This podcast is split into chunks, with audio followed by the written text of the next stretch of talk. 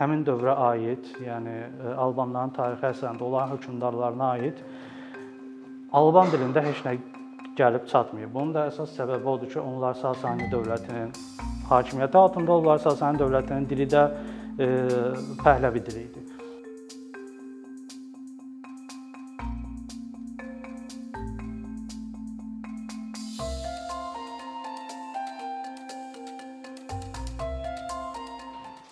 Salam.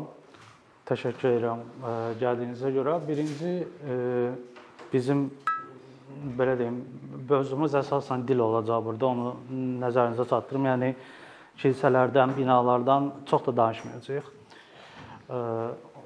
İmkan edirəm ki, nəyə fokuslanacağımızı bilək. Və mən ilk mövzunu Albanlar yoxsa udilər üzərindən başlayım. Birinci bu xalqı tanımaq lazımdır. Bu yazıdan əlavə, yəni ətraf biz antik müəlliflərdən həmişə görürük ki, onlar ya Udi deyirlər, ya Alban deyirlər, ya Utini deyirlər. Bunların üçünə də hər bir xalq hər cürə fərqli bir adlarla və onları fərqli xalq kimi yanaşırlar. Amma ki bunların dəqiq tarixi nə vaxt üzə çıxdığını bilmirik. Buna görə də biz yəni belə deyim, Albanşünaslığı da eramızın 1-ci əsrini Albaniya üçün terminus antiquum, yəni latın dilində ən sonuncu, yəni bu ən belə sonuncu bu vaxta aid edilir ki, yəni bundan əvvələ də gedir, amma dəqiq məlumatımız eramızın 1-ci əsrinə aiddir. Yəni çünki bu haqqda Roma müəllifləri yazırlar. Düzdür, eramızdan 3 əsr əvvələ getsə də bunun haqqında 1-ci əsrdə yazıblar. Ona görə də ən azından bizim məlumatımız var ki, Albaniya adında bir dövlət olub. Amma dediyimiz kimi bu biz albanların və yaxud udilərin həmin vaxtda özlərini necə adlandırdığını bilmirik, ölkəni necə adlandırdığını bilmirik. Bunların hamısı burada da görə bilərsiniz. Bu ingilis dilli Wolfgang Schuzenin, mərhum Wolfgang Schuzenin işindəndir belə bir xronologiyada ilk birinci utilərdən danışılır, albanlardan, sonra danışılır qarqarlardan, udinilərdən danışır. Yenə uti, albanlar və bunların hamısı demək olar ki, bir-birlərinin çox yaxınlıqlarında yaşayırlar. Hansı kontekstdə olduqları, hansı kontekstdə adları çəkildiyi də qeyd olunur. Məsələn, biri Makedoniyalı İskəndərə itədiyi eləyir. Birində Qəbələnin Plinidə, böyük Plinidə Qəbələnin adı Kabalaka kimi çəkilir. Və burada əfsanələr də çoxdur təbii ki. Strabonda da üçün var. Strabonda ümumiyyətlə çox daha detallı məlumat verilir. Amma Strabonun problemi odur ki, hər də o problemi problematik yanaşması odur və Odur ki, bir çox tayfaların olduğunu qeyd edir albanların arasında və onların hamısının öz dilinin olduğunu qeyd edir. E, və Strabonun bu yazılarını, bu dediklərini hərf-hərfə, hərfi mənada başa düşürlər çox vaxt. İndi dövrümüzdə də elədir. Halbuki həmin dövrdə tayfa, millət, qəbilə anlayışı çox e, çox mənalı olub.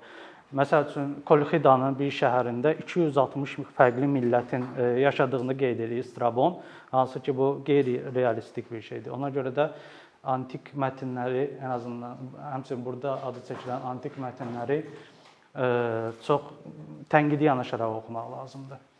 E, yenə burada gördüyünüz kimi albanlardan danışır və ən sonda e, Romalılardan sonra İran rəsm yazılarından sonra ən sonunda növbə gəlib çatır ermənilərə və ən son dil haqqında qeyd edəndə qarqarlardan bəhs olunur.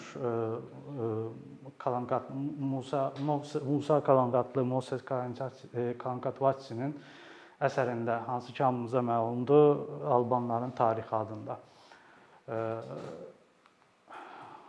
Amma bizdə bizdə həmin dövrə aid, yəni albanların tarixi əsərində olan hökmdarlarına aid alban dilində heç nə gəlib çatmayıb. Bunun da əsas səbəbi odur ki, onlar Sasani dövlətinin hakimiyyəti altında oldular. Sasani dövlətinin dili də e, Pəhləvi dili idi.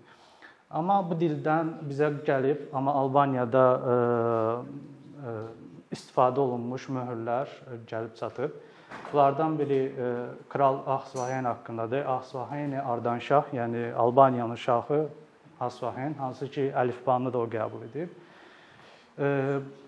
Yenə başqa bir möhürdə bu möhür Panti Alban ud Balasakan Vuzur Katolikos, yəni ki Pant Albaniyanın və Balasakanın böyük katolikosu. Balasakan da bizim indiki Beyləqan ərazilərinə rast düşür. Və digər möhür isə Asay Aran Vişbur adında, yəni Aran şahzadəsi Asayın adı keçən bir möhürdür. Burada hərəsinin simvolları fərqlidir gördüyünüz kimi. Xüsusilə bu bu simvol burdan Sasanilər də istifadə etdiyi simvolu görürük. Burada Katolikos'un ümumiyyətlə möhrün üstündə yenə pəhləvicə yazılar yazılıb. Bunların heç biri alban dilində deyil. Onu göstərir ki, dövlət səviyyəsində çox da istifadə olunmuyor. Amma bizə əlifbanı əsas birinci gətirib çıxaran Ermənistan Matenedaran kitabxanasında olan 71-17 saylı əlyazmadır ki, bu Türkiyədə, indiki Türkiyədə Vanda yazılıb, hardasa Əmir Teymurun dövründə. Və burdakı ermənicə olan mətn bu Alban əlifbasıdır deyir. Və sonra burada Alban əlifbasının erməni dilində səslənməyə cəhd edirlər ki, oxucu başa düşsün. Digər əlifbalar da var burada. Gürcə əlifbası da var. Hətta kürdlər üçün də əlifba düzəldiblərmiş o vaxt ermənilər xristianlaşdırmaq üçün. O, o haqqında da qeyd var burada. Amma bizə əsas maraqlandıran bu Albaniya hissəsidir. Və məhz bunun sayəsində həmin hərflərin biz necə oxunuşunu öyrənmişik. Məsələn, A hərfini alt kimi, T hərfini tas kimi qeyd eləyiblər. Biz bu sayəsində öyrənmişik ki, hansı hərflər necə səslənir. Amma bu kifayət deyildi. Çünki əlifba əlimizdə olsa da heç bir yazı yox idi. Mingəçevirdəki yazıları da oxunmağı bacarmamışdılar. Çünki əldə kifayət qədər üzərində işlənilə biləcək mətn yox idi. Yeniliklər sonra yeni əlifbaya əlifbanı belə deyim, biz kəşf edəndən sonra burada bəzi araşdırmalar aparmağa cəhd elədilər. Bütün kitabxanalara girdilər ki, bu əlifbanı hardansa tapsınlar, yazılar tapsınlar. Heç birində bu cəhd yaxşı alınmadı. Amma tamamilə bir təsadüf nəticəsində burada Sinay, Misirdəki Sinay yarımadasındakı müqəddəs Katerina monastırında bu hissədə Müqəddəs Georgi kilsəsində 1971-ci ildə yanğın baş verdi və bu yanğın zamanı orada yerin altında hardasa 1100 nəf 1100 ədəd gizlədilmiş əlyazmalar tapıldı və 1100 ədəddən hardasa 172-si əvvəl düşünülür ki, erməni dilindədir. Amma Buradakı Yunan keşişlər başa düşmürlər ki, necə ola bilər ki, onlarla fərqli məzhəbdə olan ermənilərin yazıları burada olsun. Amma 1982-ci ildə gürcülərin hələ sağ olan patriarxı 2-ci İliya bu monastırı ziyarət edəndə oradakı əlyazmalarla tanış olur və deyir ki, bunlar əslində ermənicə deyil, gürcücə əlyazmalardır. Və gürcülər başlayırlar bura axın eləməyə. Bütün alimlər gedirlər, çoxlu tez-tez necə deyim, ziyarət edirlər və əlyazmalarla tanış olurlar. Və bunlardan birində Zaza Aleksidze, gürcü bu da rəhmət etdi bu yaxınlarda. Zaza Aleksidze görür ki, gürcücə mətnin arxasında başqa dildə, başqa bir əlifbada mətn var. Və Bunun e, hansı e, dildə olduğunu əvvəl başa düşmədi. Amma sırf buna fokuslandı. Ona maraqlı gəldi ki, görəsən hansı dildədir? Nə ermənicə deyil, nə efiop dilində deyil, nəsə fərqli dildir. Amma bunu e, əvvəl oxumaq çox çətin idi. Çünki indiki belə deyim, texnologiya yox idi əlimizdə. Amma indi hal-hazırda istəsəz istəsəz siz də bu əlyazmaları oxuya bilərsiniz. Sinay palimpsestləri e, layihəsi var. E, Kaliforniya Universitetinin layihəsidir. Burada iki gürcü dilində belə deyim, yazılmış əl yazma var. Məsələn, burdan bir səhifə seçək.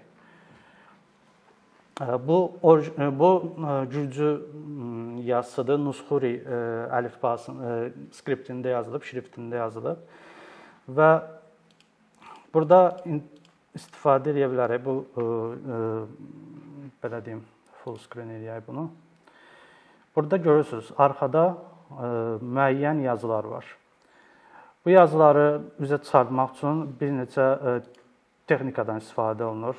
Invert edərək və burdakı saturasiyanı artıraraq, e, kontrastı azaldaraq, artıraraq biz e, daha dəqiq e, yazıların arxada olduğunu görə bilərik. Xüsusilə bu hissəyə diqqət eləsək, görərik ki, burada daha əvvəl başqa dildə və əlifbada yazılan hissədə üzərini sonra yuyublar və gürcü dilində yazını yazıblar.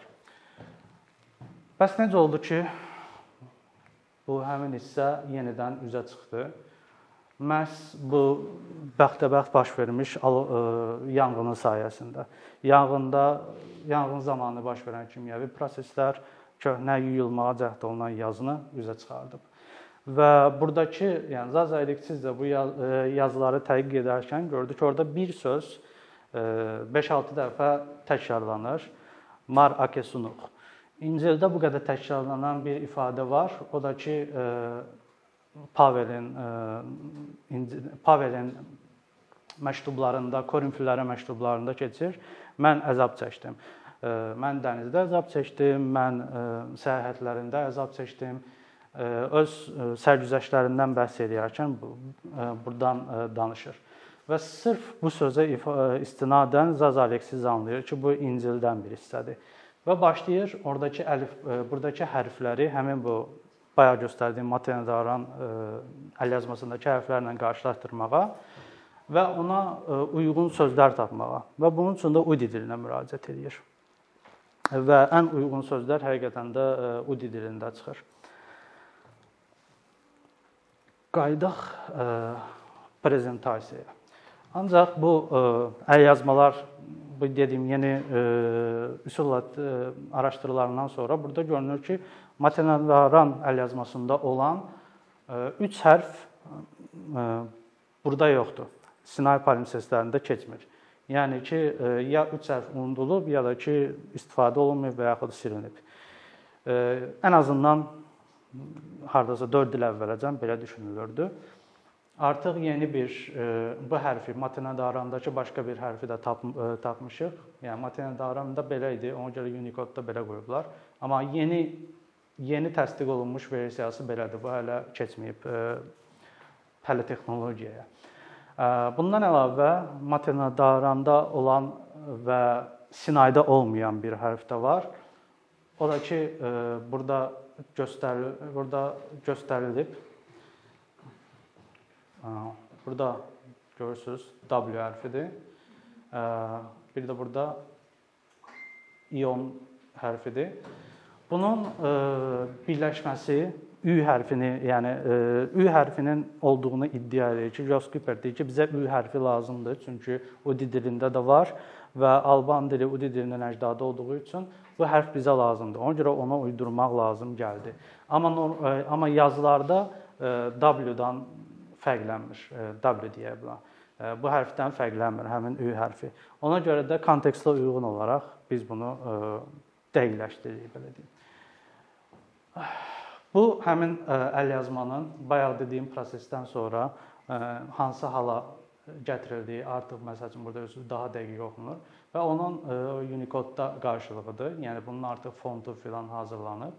Bəzi hissələr gördüyünüz kimi yanıb, tamamilə və yaxud cırılıb onu e, bərpa eləmək mümkün deyil. Biz ancaq təxmin edə bilərik. E, amma bunlar hal-hazırda əlimizdə olan Alban dilinə aid ən güclü materiallardır.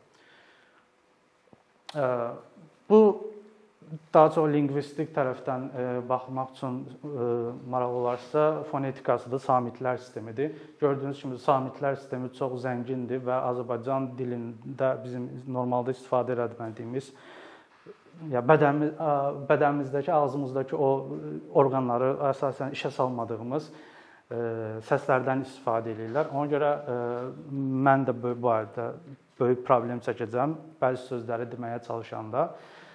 Amma bunu o dil aranızda o dili bilən varsa daha yaxşı səsləndirə bilər yəqin ki. Və saytları daha sadədir. Ə hərfi bir dənə yoxdur, demək olar ki, digər bütün səsləri olub.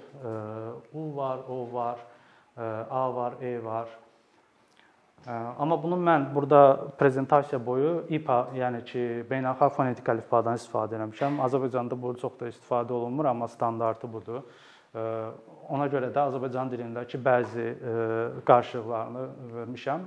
Məsəl üçün bu hərf qeys Azərbaycan dilindəki ğ hərfinə uyğun gəlir və yaxud ç səsinə uyğun gələn var. Ş var və c var. Bizim bizim əlifbamızda olan bir çox samit Alban əlifbasında da var, amma hamısı deyil. Digər əlifbalarla müqayisə üçün adətən deyirlər ki, Alban əlifbası erməni, gürcü əlifbasına bir-birlərinə çox oxşayırlar, amma əslində belə deyil. Biz burdan görə bilərik ki, hansı müəyyən fərqlilik var.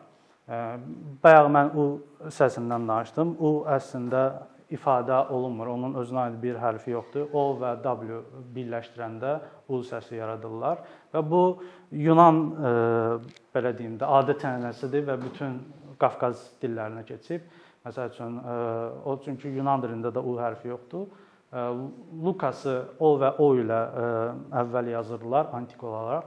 Erməni dilində də Lukas, Gürcü dilində Lovka olaraq, Alban dilində də belə qorunub saxlanılır. O və u və bütün mətnlərdə də bu belə gedir. U-ya aid xüsusi bir hərf yoxdur. Burada bəzi sadə isimləri göstərə bilərik, hansı ki indi udi dilində də istifadə olunur. Məsələn, qar sözü, oğul, uşaq, amma əsasən oğlana deyirlər. Sadə sözlər de, ata, ne, ana, şa, qız, məsəl üçün ay ay üçün xaş sözündən istifadə olunur. O həm də işıq mənasına gəlir. Bu sözləri çoxunu indi udi dilində də eşitmək olar. Necə getsəniz eşidə bilərsiniz. Bəzi yeni sözlər var, hansı ki, əvvəllər ya yanlış oxunmuşdu, ya da ki, ümumiyyətlə çox oxuna bilməmişdi. Bu sözləri əslində bir neçə gün əvvəl Bakıda baş tutmuş konfransda səsləndirdilər. Bunu professor Yoski Pert orada səsləndirdi, amma ora qatıla bilməyənlər üçün mənə də çox sağ olsun göndərib həmin bu yeni tapıntıları. Harda bu özünüz saytda girib bu sözlərin spesifik olaraq harda olduğunu baxa bilərsiniz, bayaqçı dediyim, özünüz də yoxlaya bilərsiniz. Yəni ki, araşdırma eşqinə düşsəniz, durub Ermənistana filan getməyə ehtiyacınız yoxdur. İnternetdən edə bilərsiniz. Bunların hamısını tapa bilərsiniz yad sözü hül, sədəqə sözü, dəsmal sözü bunlar hamısı yeni tapılmış sözlərdir və əvvəl bilinmirdi və avtoxton olduqları güman edilir, çünki indi udi dilində bu sözlər yoxdur.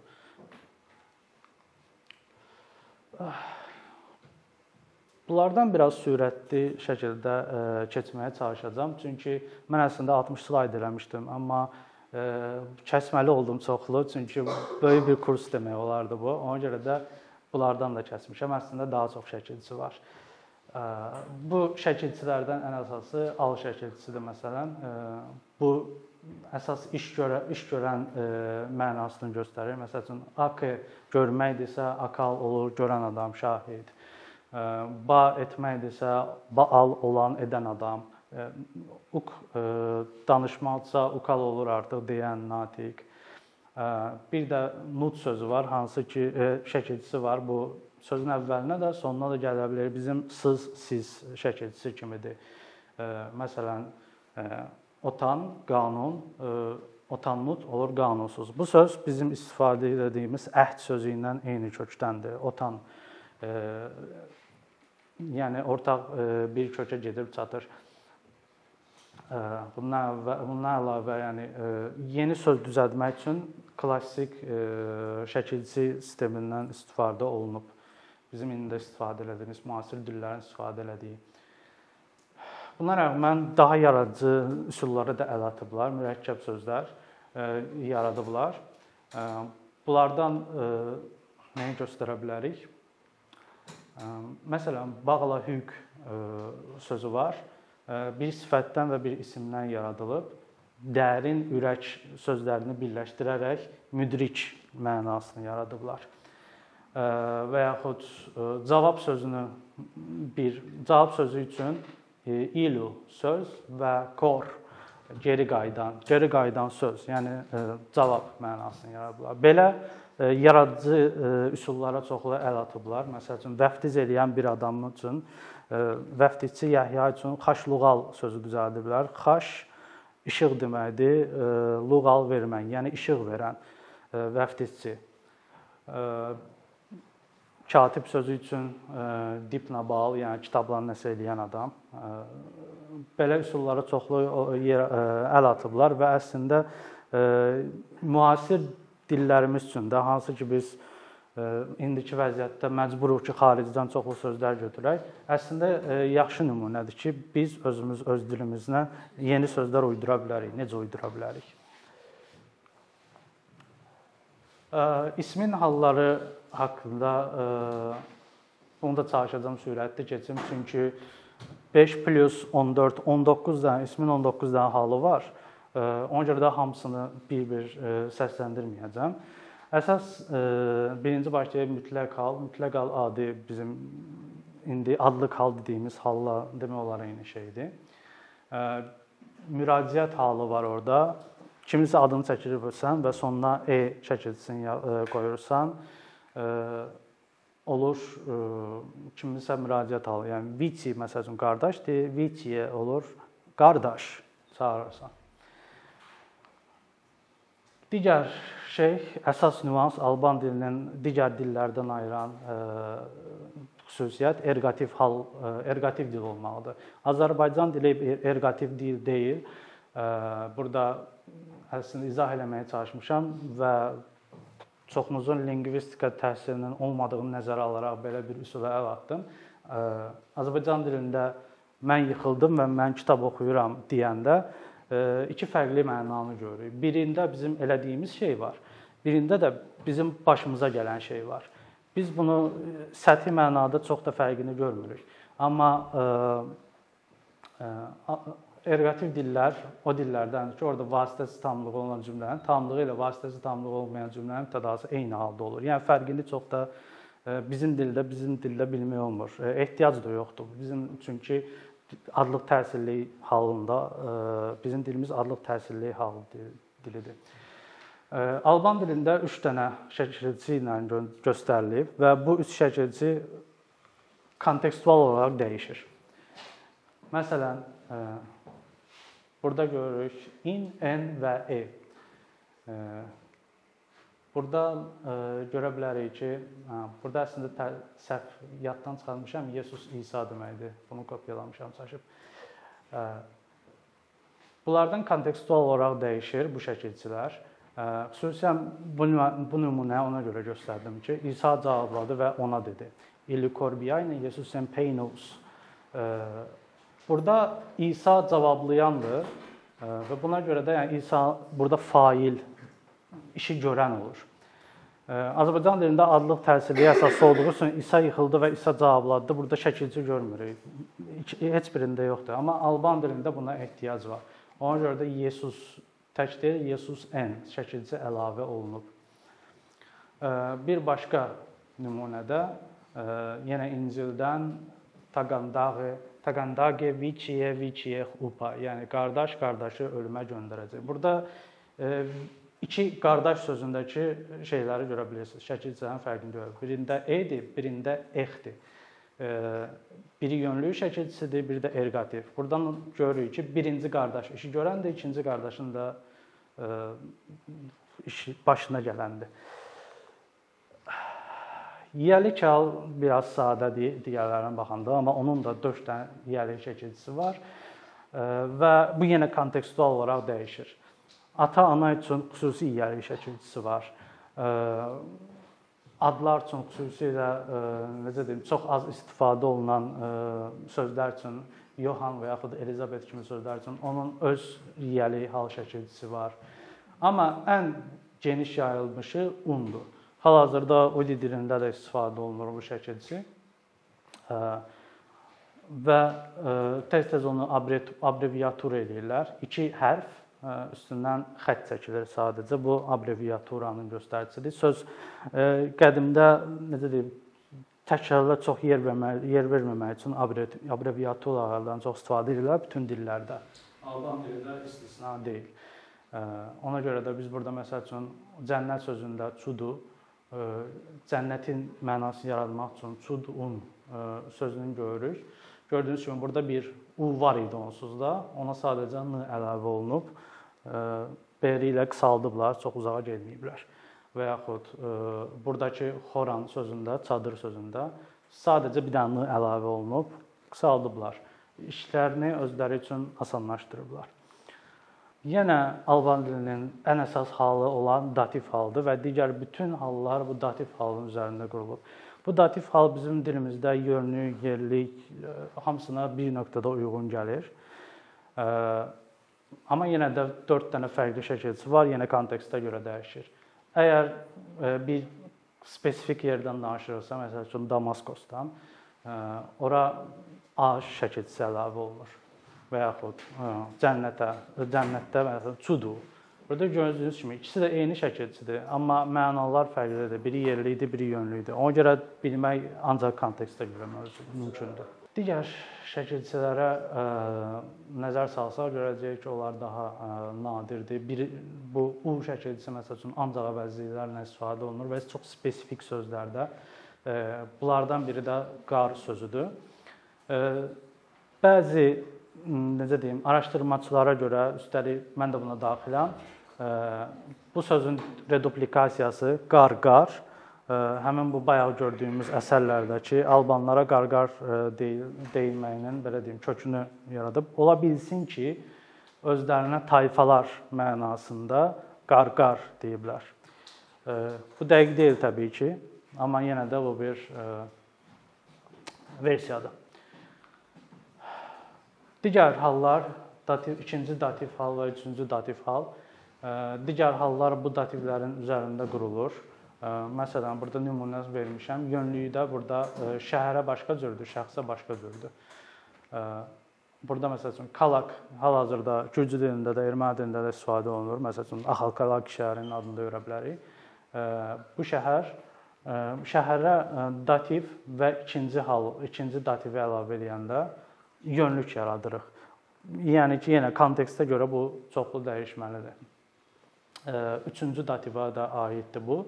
Burada hətta bu dativin qalıqları hələ də Vartaşen udicəsində də belədir. Mən niyə görə Vartaşen deyirəm? İndi oranın adı Oğuz olub. Çünki Oğuz udicəsi demək biraz oksimoron olur. Türk dilindən qarışdırıla bilər. Ona görə də hələ də akademiyada Vartaşen udicəsi istifadə olunur. Yəni onlar bunu saxlayıblar hələ də öz dillərində. Ona görə də bunun detallarına girmədim, çünki dəhşət çoxlu e, belə deyim, e, lokativlər var burada. Hər bir aspektdən yanaşanda şəkilçi dəyişir. Üstdən baxanda şəkilçi dəyişir, altdan gələndə şəkilçi dəyişir. E, yandan, sağdan, soldan, yəni kontekstə görə çoxlu dəyişikliklər var burada, amma bəzilərinin adını deyə bilərəm. Məsəl üçün burada komitativ var. Bizim dildəki birgəlik halıdır. Xoş olaraq istifadə olunur ekvativ hal var. Yəni kimi sözünü bərabərləşdirirsən. Mən filan kəs kimiyəm. Burada məsəl üçün artıq ondan istifadə olunacaq. Ablativlər çıxışlıq halıdır. Oç və xoç. Və çoxlu belə hallar var. Bunun üçün gərək xüsusi bir dərs olsun. Ona görə də ümumi mən bəhs etməyə qərarına gəldim. İsmin cəm halı e, çox e, asan və maraqlı hissədir əslində. Burada biz görə bilərik ki, sözlər necə dəyişir. Bir uq şəkilçisi var. Əslində burada fərqi görə bilərsiniz, amma bu fontda görünmür. Bu hərf və bu hərf fərqlidir. X hərfinin fərqli səslənmə versiyalarıdır və palimpsestlərdə bunu fərqləndirmək çox çətindir. Ona görə də hər ikisini yazırıq hər ehtimala qarşı. Və amma məsəl üçün bu angelos, mələk Yunan dilindən götürülüb. Aşarket, şagird. Bizim indi istifadə etdiyimiz şagird sözü ilə eyni kökdəndir. Burada məsəl üçün görə bilərik ki, mələklər sözünü demək istəyəndə sadəcə ona uğ şəkilçisi əlavə olunur. Amma mələklərin və yaxud mələklər sözünü belə deyim, hallandıranda biz məcburuq ki, x səsini çevirək ğ səsinə. Bu alban dilinin qanunudur. Ona görə də mütləq cəm və digər hallar kimi kateqorizasiya eləmişəm. Alban dilinin ən əsas xüsusiyyətlərindən biri cinslərə görə infleksiyadır, hansı ki bizim dilimizdə o yoxdur. Ona görə bizim üçün başa düşmək biraz çətindir. Bunların hamısını istifadə eləməyəcəm, yəni nümunə gətirməyəcəm. Amma kişi, qadın və neytral cinslər olmaq üzrə Alban dilində 3 dənə cins var və bunların tək və cəm forması da həmişə bir-birindən fərqlənir. Və fərqli hallara görə də fərqli şəkilçilər alırlar. Burada olan abreviaturaları görürsünüz. Biz bu mən bunu abreviatura olaraq saxlamışam, çünki biz bunun orijinal uzun variantını bilmirik, heç yerdə görməmişik. Ona görə də abreviatura olaraq saxlamışam. İndi nümunə verəcəm, bunu necə istifadə edirik. Məsələn, bayaq burada gördünüz məsəl üçün o kişidir, ağ qadındır. O yenə burada neytraldır. Amma ebur onun cəmdə olduğunu göstərir. İndi burdakı sözlərdən bilə bilərik ki, söhbət qadınlardan gedir, yoxsa kişilərdən gedir. Məsəl üçün enego e, başqa, başqası, başqa olan şəxs. Burada o şəkilçisi var deyə bilirik ki, söhbət qadınlardan getmir. Və yaxud e, qocalar, aliyar. E, burada ar, belə deyim, Bunun yenə tam necə ifadə olunduğunu bilmirik, amma bu şəkilçi bunu göstərir ki, söhbət kişilərdən gedir, qoca kişilərdən. Bir də büvyebu var, yəni ki, ağır, ağır şeylər. Burada sırf ebur şəkilçisi olduğuna görə bilirik ki, burada cansız əşyalardan söhbət gedir. Çünki bu şəkildə olsaydı ağır kişilər mənasına gələrdi. Biz belə belə kontekstli mənasını tuta bilərik söhbət qadınlardan yoxsa kişilərdən gedir. Yəni ki, bu ə, e, rus dilindəki kimi deyil, jenski rod zad belə söhbət deyil. Burada tamamilə kontekstə uyğundur. Ə, e, yenə burdan ə, e, başqa nümunələr göstərilir. Ə, bunu istəsəz şəklini çəkə bilərsiniz. Çünki çalışacağam ki, tez edim. Burada ən sadə nümunəyə baxaq. Hey eyal oya biki xaşanki. Onun paltarı işıq kimi ağ idi. Burada oya sözü, yəni o, buradakı o bizim dildəki o ilə eyni mənalıdır, tamamilə təsadüf nəticəsində. Burada müstifa burada müstəqil istifadə olunur. Yəni ki, üçüncü şəxsin təkin bildirilir və yiyəli şəkilçisi alınır. Yəni ki, onun o kişinin, onun paltarı yal, xaş bayaq dedim işıq mənasına gəlir. Ağ biki və belə. Biz burada görə bilərik ki, cinslərə görə infeksiya olub Alban dili hal-hazırda Azərbaycan dilində bizdə belə bir şey yoxdur. Alban dilinin digər Qafqaz dilləri ilə ortaq xüsusiyyətlərdən biri sifətlərin çox az olmalıdır. Orijinal dildəki sifətlər az olmalıdır. Ona görə də bayaq dediyim üsulla mürəkkəb sifətlər yaradıblar. Bunlar bizim qarşımıza çıxan sözlərdir. Bunların bəziləri halda istifadə olunur, bəziləri artıq unudulub. Məsəl üçün kör sözü hələ də istifadə olunur udi dilində və yaxud aqati istifadə edilirdi bir əsr əvvəlcən artıq unudulub. Bəziləri yəni artıq unudulub, bəziləri isə hələ də saxlanılır. Ona görə də sifətlər azdır ancaq törəmələr var əsasən. Ona görə belə sürətli keçdim. Əvəzliklər, əvəzliklər də ə, burada görünə bilər, görə bilərsiniz ki, bayaq kişidən, qadından danışdıq, amma ki əvəzliklərə söhbət gələndə üçüncü şəxs görmürük. Yəni ümumiyyətlə biz burada sırf kontekstə görə üçüncü şəxslər üçün spesifik bir şey, o bu mənasında bir şey ayrılmayıb. Əvəzindən istifadə edirik. Bayaq dediyim kişi və yaxud qadın nədirsə ona. Buradakı əvəzliklərin demək olar ki, hamısı udi dilində qalıb. Zu udi dilində də zudur, vun udi dilində də vundur və bunlar dəyişir. Biz, siz, onlar biz, siz, mən, sən arasında dəyişir. Bir dənə burada yiyəlik halında beşi və befi formasını alırlar.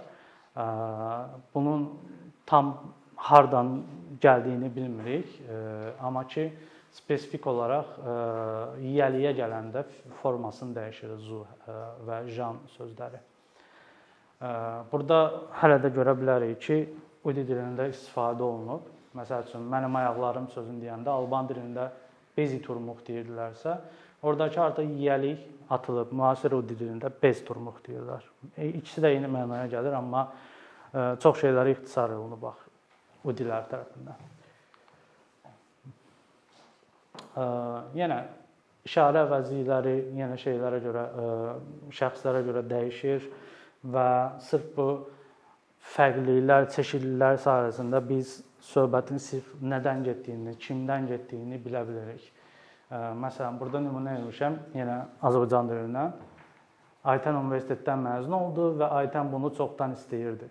Buradakı bunu söhbət işarə əvəzliyidir bu, bunu və sırf bundan necədir bu cədvəl sırf işarə əvəzliklərin kontekstə görə göstərir ki, söhbət qadından gedir, yoxsa cansızdan gedir, yoxsa kişidən gedir. Dəyişəcək hamısı kontekstə görə. Referensiallar var. Biz bunu Azərbaycan dili dərsində keçmirik. Daha çox lingvistikaya aiddir. Ona görə də daha yaxşı başa düşmək üçün nümunələr vermişəm. Bukanayo, Bukana sevməkdir.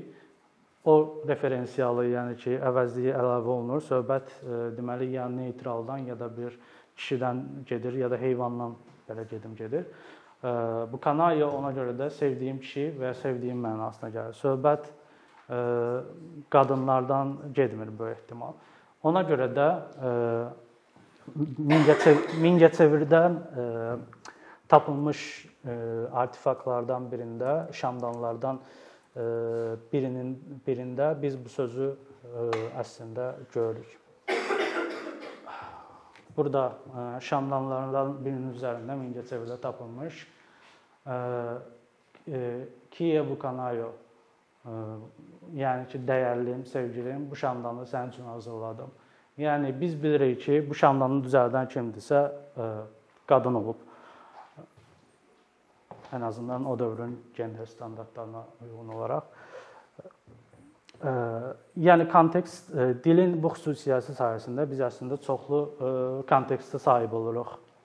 Söhbət nədən gedirsə.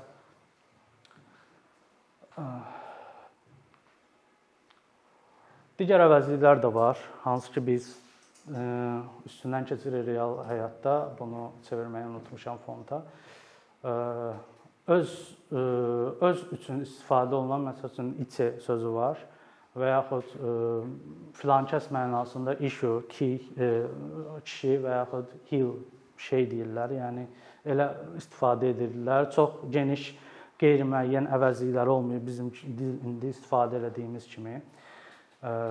Amma ki müəyyən müəyyən sözləri, yəni bizim istifadə etdiyimiz sual əvəzlikləri o barədə yaradıcı olublar və bir neçə bağlayıcını və yaxud qoşmanı birləşdirərək fərqli nüansda olan suallar yaradıblar. Haradan, harada, kim, necə və xüsusilə məsəl üçün burada ki K şəkilçisini göstərmək istəyirəm. Bu şəkilçi əslində İran mənşəlidir və bizim hal-hazırda istifadə etdiyimiz ki hissəciyi ilə eyni mənadadır və eyni yerə gedib çıxırlar axıra. İndi sizə göstərəcəm. Məsəl üçün bu cümləni analiz edəndə görürük ki, Naza Hamaykeuq Cəxay. Mən bilmirəm ki, onu harda saxlayıblar. Burada n tərəfi inkardır. Bizim hal-hazırda yenə fars dilindən götürdüyümüz nakişi kimi sözlərdə olan inkar hissəsidir. A bilməkdir. Hal-hazırda udilər bu sözdən istifadə edir. Harada ki, yəni onu harada saxladıqlarını bilmirik. Bu cəxay yerləşdirmək, saxlamaq sözünün bir formasıdır, keçmiş formasıdır. Amma fikir versəz burada bir cümləni təkcə iki sözlə ifadə edə bilər. Çünki Alban dilinin xüsusiyyətlərindən biri odur ki, şəkilçilərin hamısını bir yerə birləşdirirlər, arxa-arxaya düzürlər və bu olur cümlə. Onu ancaq kontekstdən bilmək olur və sırf bu ayrıcı işarə nəticəsində bilirik ki, burada cümlə bitdi. Say sistemi ən maraqlı hissələrdən biridir. Bilmirəm ərəb əlifbası ilə necə tanışsınız ya yox. Orda ərəb əlifbasında əbcəd sistemi adlanan bir şey var. Şairlər falan çox istifadə ediblər illəri işarə vermək üçün. Alban dilində də elə bir sistem olub, amma bu xristianlıqdan gəlir. Efsebi aparatı deyirlər buna. O vaxt İncildə hər şeyi latın Roma rəqəmləri ilə ifadə etmək yerinə Efsebi belə bir ideya ilə gəlib ki, hərflərlə ifadə edir, Yunan hərfləri və yaxud ibrit hərfləri.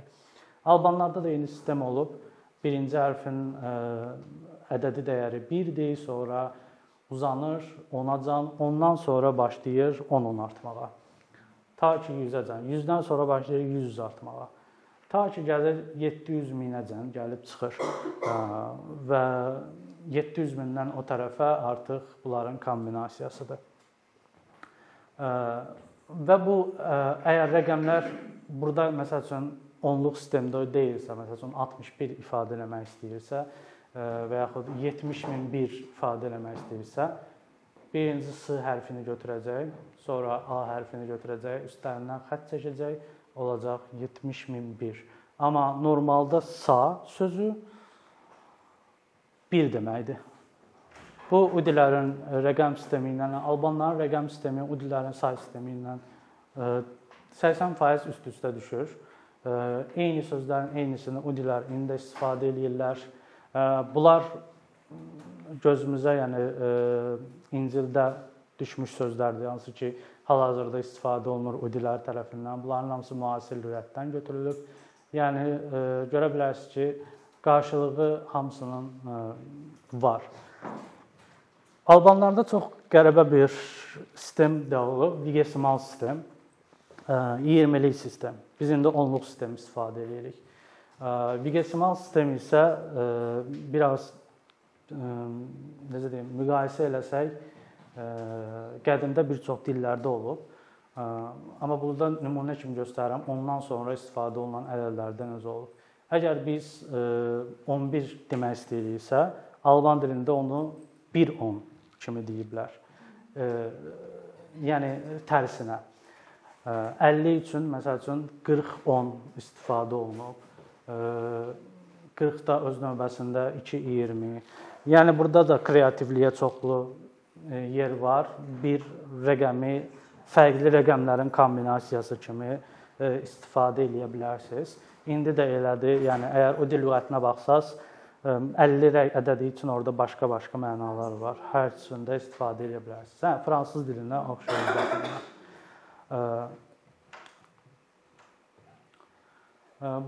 Qoşmalar sistemi də digər Qafqaz dilləri ilə eynidir və bu qoşmalardan istifadə etməklə yerli funksiyalar təyin edə bilərik.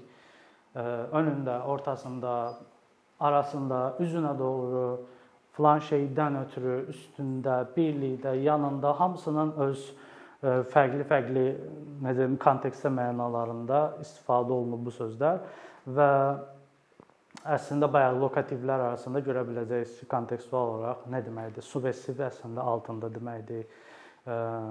Kommutativ bayaq dediyim kimi birlikdədir. Burada görə bilərsiniz ki, onların udicə qarşılıqlarını da yazmışam, amma hamısı istifadə olunmur. Bəziləri unudulub. məsəl üçün qol sözü, borc Bağlayıcılar, yəni Azərbaycan dilində kimi tabellik və tabelsizlik bağlayıcılar var Alban dilində, yəni bir çox dildə var. Mən Azərbaycan dili daha rahat olduğu üçün deyirəm. Məsələn, burdakı ifadələr tam tərcümə olunur. Yəni istəsə də onda, lakin, amma, beləliklə, yanke məsəl üçün beləliklə deməkdir. Gördüyünüz kimi bayaq qarşımıza çıxan hissə e, tabellik şəkilçisi ki, bizim indi istifadə etdiyimiz e, bir çox bağlayıcıda görürük. Hanke, hanake, hamatunke, hamoçke, hatenke, haçinke. E, çünki nə vaxt, əgər necə ki, hər cürə, yəni yenə kontekstə görə dəyişəcək və biz bunların hamısını çox görürük İncil kontekstində, əsasən sitat gətirəndə istifadə olunur. Ədədlər çox azdır və çox sadədir və adətən belə aha, uhu belə səslər, sadə səslərlə yaradır. Böyük ehtimal primitiv ifadələri göstərmək üçün. Məsələn, ən çox istifadə olunan və kökünü dəqiq bilmədiyimiz meçiqay sözü var, hardan gəlir onu bilmirik. Dəfələrlə istifadə olunur məsəl üçün məgər kontekstində Meçiqayçıxa Marğavenok nahalar, Meçiqayçıxa Hebiyayar nahalar. Məgər hamı peyğəmbərdirmi, həvaridirmi, müəllimdirmi? Burada görə bilərsiniz Targum Ambal bizim istifadə olunur, tərcüməçidirmi? Bizim eyni kökdən gəlir bu söz. Yenə burada erməni dilində olan Vartapetuх sözü var, müəllim.